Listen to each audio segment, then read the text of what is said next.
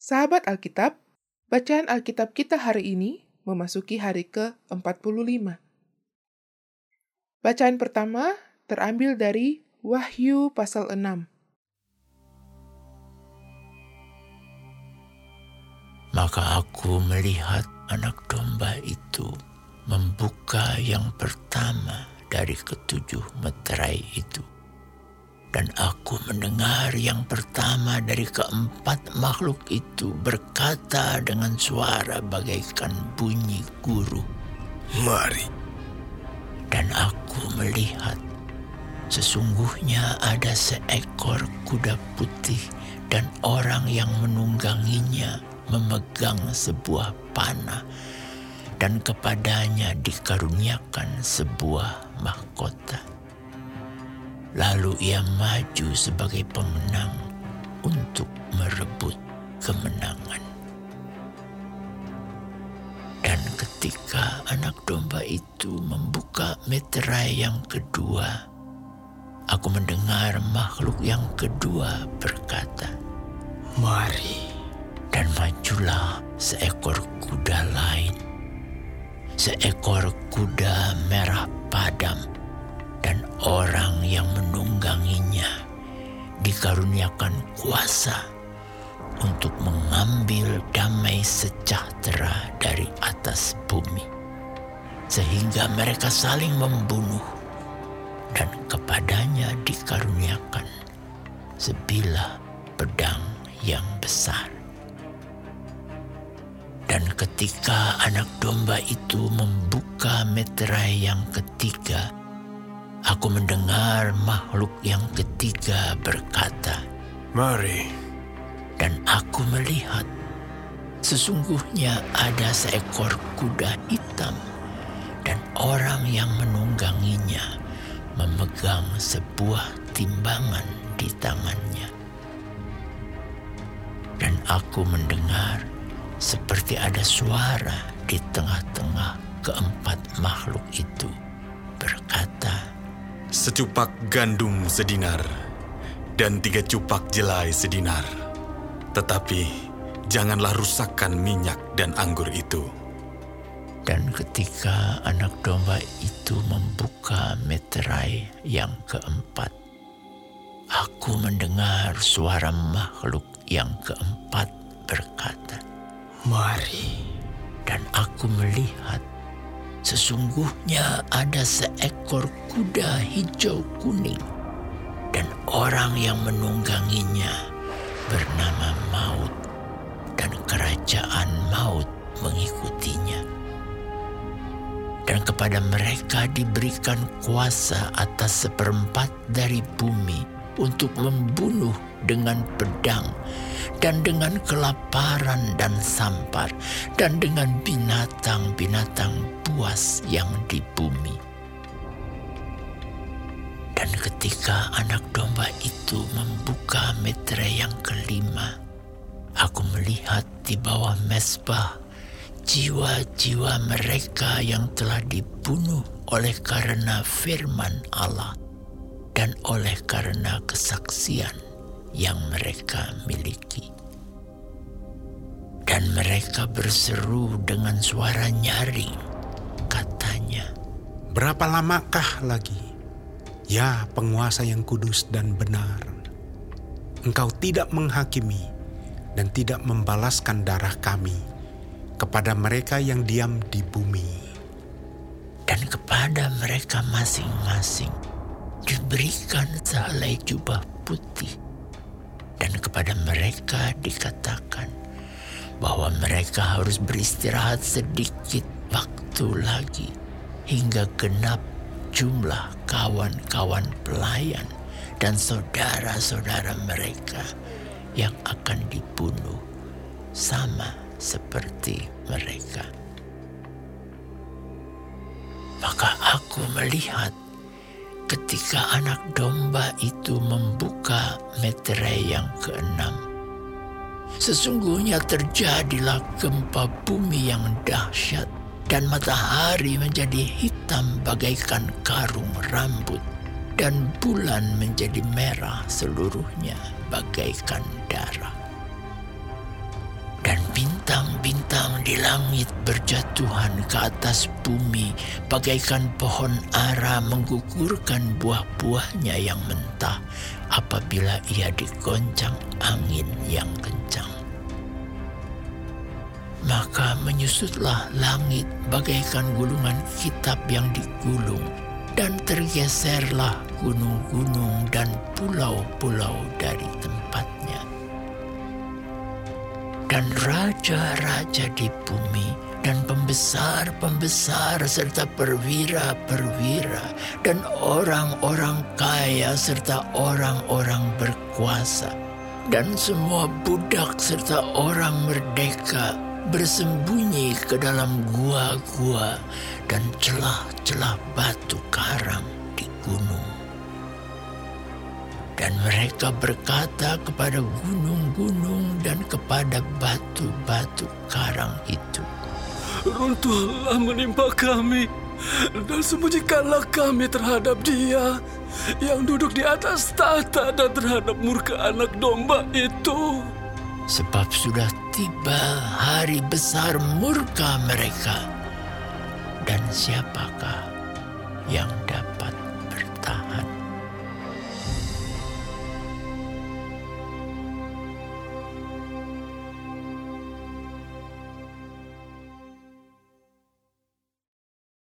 Bacaan kedua terambil dari Nehemia pasal 8 ayat 13 sampai dengan Nehemia pasal 9 ayat 37.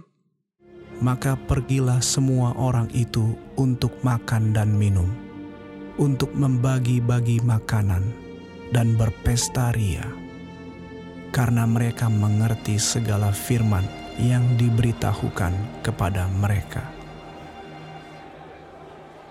Pada hari yang kedua, kepala-kepala kaum keluarga seluruh bangsa, juga para imam dan orang-orang Lewi berkumpul pada Ezra, ahli hukum Taurat itu, untuk menelaah kalimat-kalimat Taurat itu. Maka didapatinya tertulis dalam hukum yang diberikan Tuhan dengan perantaraan Musa bahwa orang Israel harus tinggal dalam pondok-pondok pada hari raya bulan yang ketujuh dan bahwa di semua kota mereka dan di Yerusalem harus disampaikan berita dan pengumuman yang berbunyi, Pergilah ke gunung, ambillah daun pohon zaitun, daun pohon minyak, daun pohon murat, daun pohon korma, dan daun dari pohon-pohon yang rimbun, guna membuat pondok-pondok sebagaimana tertulis. Maka pergilah orang mengambil daun-daun itu, lalu membuat pondok-pondok, masing-masing di atas atap rumahnya, di pekarangan mereka, juga di pelataran-pelataran rumah Allah, di lapangan pintu gerbang air, dan di lapangan pintu gerbang Efraim. Seluruh jemaah yang pulang dari pembuangan itu membuat pondok-pondok dan tinggal di situ.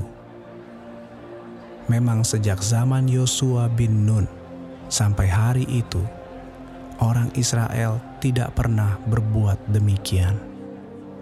Maka diadakanlah pesta ria yang amat besar. Bagian-bagian kitab Taurat Allah itu dibacakan tiap hari, dari hari pertama sampai hari terakhir. Tujuh hari lamanya mereka merayakan hari raya itu, dan pada hari yang kedelapan ada pertemuan raya sesuai dengan peraturan.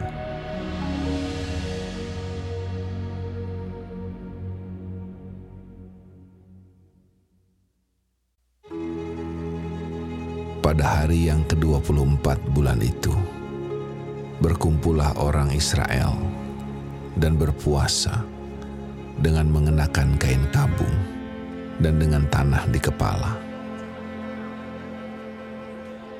keturunan orang Israel memisahkan diri dari semua orang asing, lalu berdiri di tempatnya dan mengaku dosa mereka dan kesalahan nenek moyang mereka.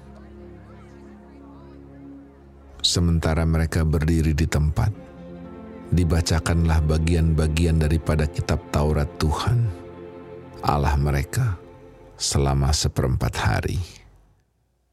Sedang seperempat hari lagi, mereka mengucapkan pengakuan dan sujud menyembah kepada Tuhan, Allah mereka.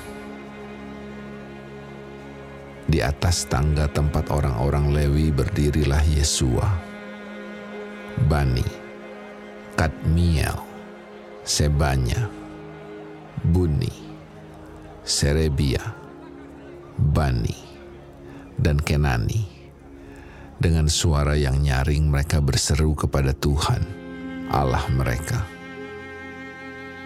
Dan berkatalah Yesua, Kadmiel, Bani, Hazabnea, Zerebia, Hodia, Sebanya, dan Petahia, orang-orang Lewi itu. Bangunlah, pujilah Tuhan Alamu dari selama-lamanya sampai selama-lamanya.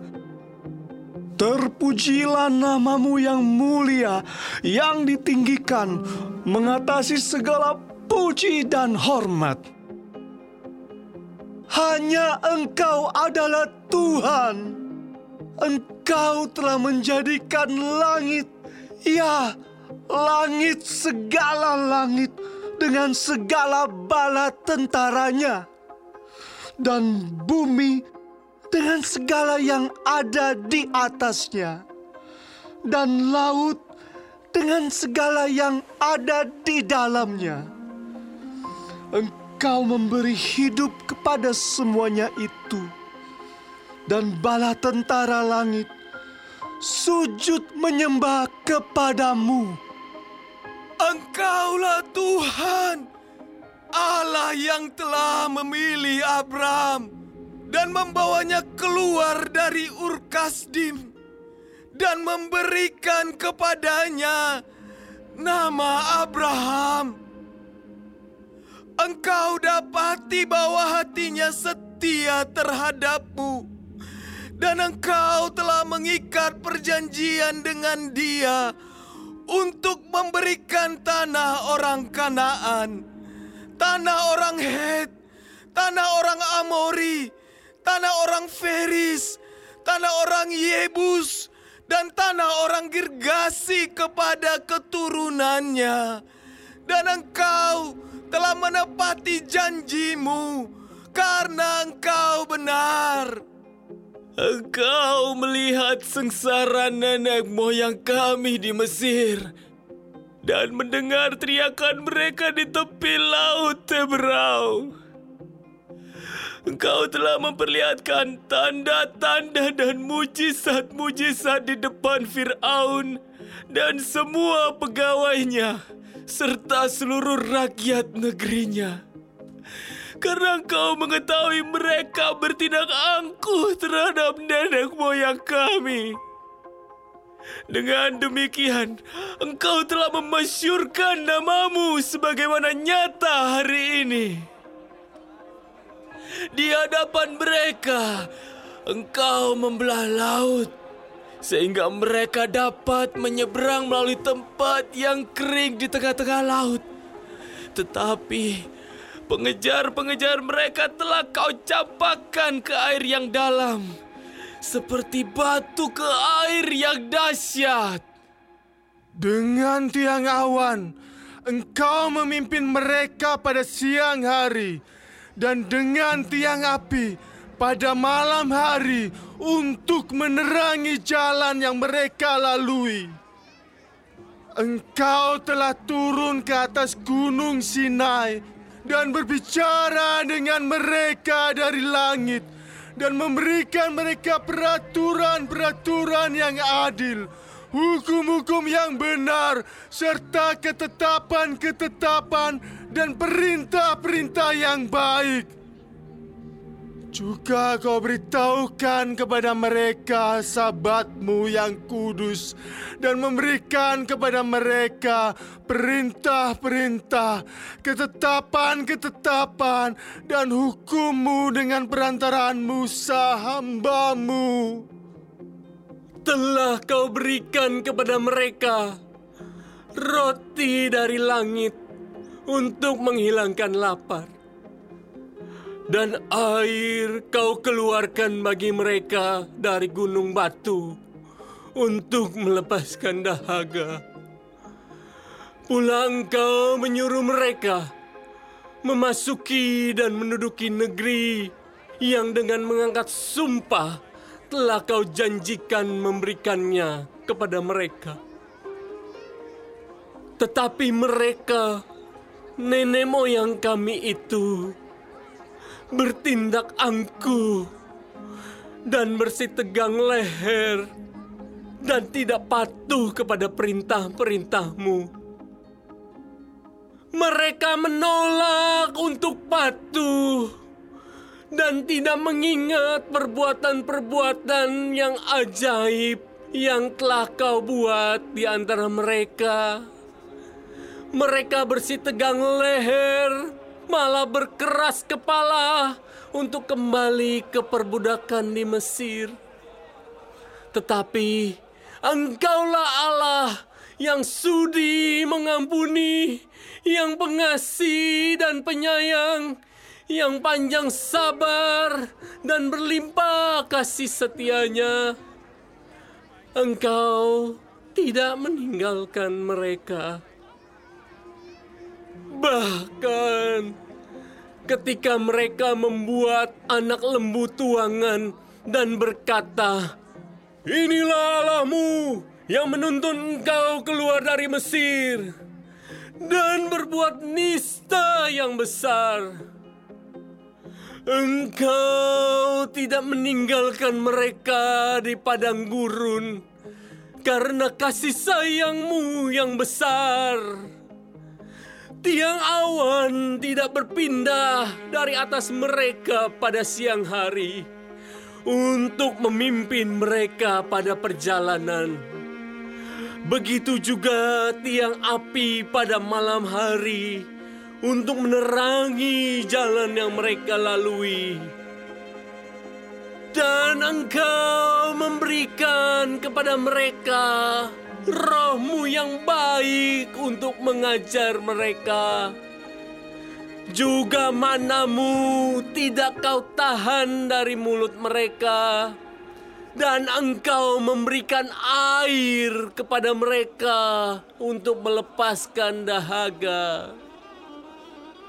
Empat puluh tahun lamanya engkau memberikan mereka makan di padang gurun. Mereka tidak berkekurangan, pakaian mereka tidak rusak, dan kaki mereka tidak bengkak. Engkau menyerahkan kepada mereka kerajaan-kerajaan dan bangsa-bangsa, dan membagikan itu kepada mereka sebagai daerah perbatasan sebab mereka duduki tanah dari Sihon, raja negeri Hesbon, dan tanah dari Og, raja negeri Basan.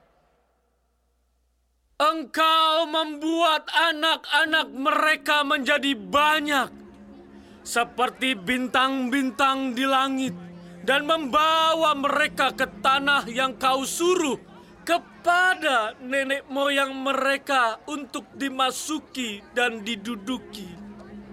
Lalu anak-anak itu memasuki dan menduduki tanah itu, dan engkau menundukkan di hadapan mereka penduduk tanah itu, yakni orang-orang Kanaan, dan menyerahkan orang-orang itu baik raja-raja mereka maupun bangsa-bangsa tanah itu ke tangan mereka, supaya orang-orang itu diperlakukan sekehendak hati mereka.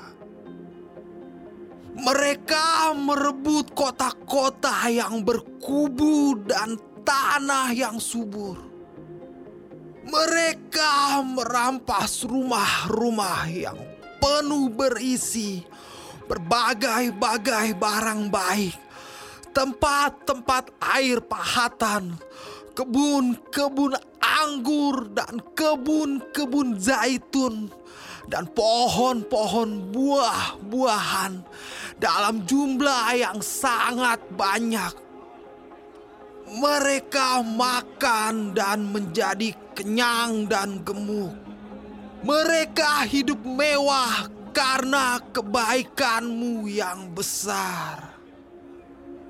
Tetapi mereka mendurhaka dan memberontak terhadapmu. Mereka membelakangi hukummu dan membunuh nabi-nabimu yang memperingatkan mereka dengan maksud membuat mereka berbalik kepadamu. Mereka membuat nista yang besar. Lalu engkau menyerahkan mereka ke tangan lawan-lawan mereka yang menyesakkan mereka. Dan pada waktu kesusahan mereka berteriak kepadamu. Lalu engkau mendengar dari langit. Dan karena kasih sayangmu yang besar, kau berikan kepada mereka orang-orang yang menyelamatkan mereka dari tangan lawan mereka. Tetapi begitu mereka mendapat keamanan, kembali mereka berbuat jahat di hadapanmu. Dan engkau menyerahkan mereka ke tangan musuh-musuh mereka yang menguasai mereka. Kembali mereka berteriak kepadamu dan engkau mendengar dari langit. Lalu menolong mereka berulang kali karena kasih sayangmu. Engkau memperingatkan mereka dengan maksud membuat mereka berbalik kepada hukum. Tetapi mereka bertindak angkuh. Mereka tidak patuh kepada perintah-perintahmu. Dan mereka berdosa terhadap peraturan-peraturanmu yang justru memberi hidup kepada orang yang melakukannya. Mereka melintangkan bahu untuk melawan. Mereka bersih tegang leher dan tidak mau dengar. Namun bertahun-tahun lamanya engkau melanjutkan sabarmu terhadap mereka. Dengan rohmu engkau memperingatkan mereka, yakni dengan perantaraan para nabimu. Tetapi mereka tidak menghiraukannya. Sehingga engkau menyerahkan mereka ke tangan bangsa-bangsa segala negeri.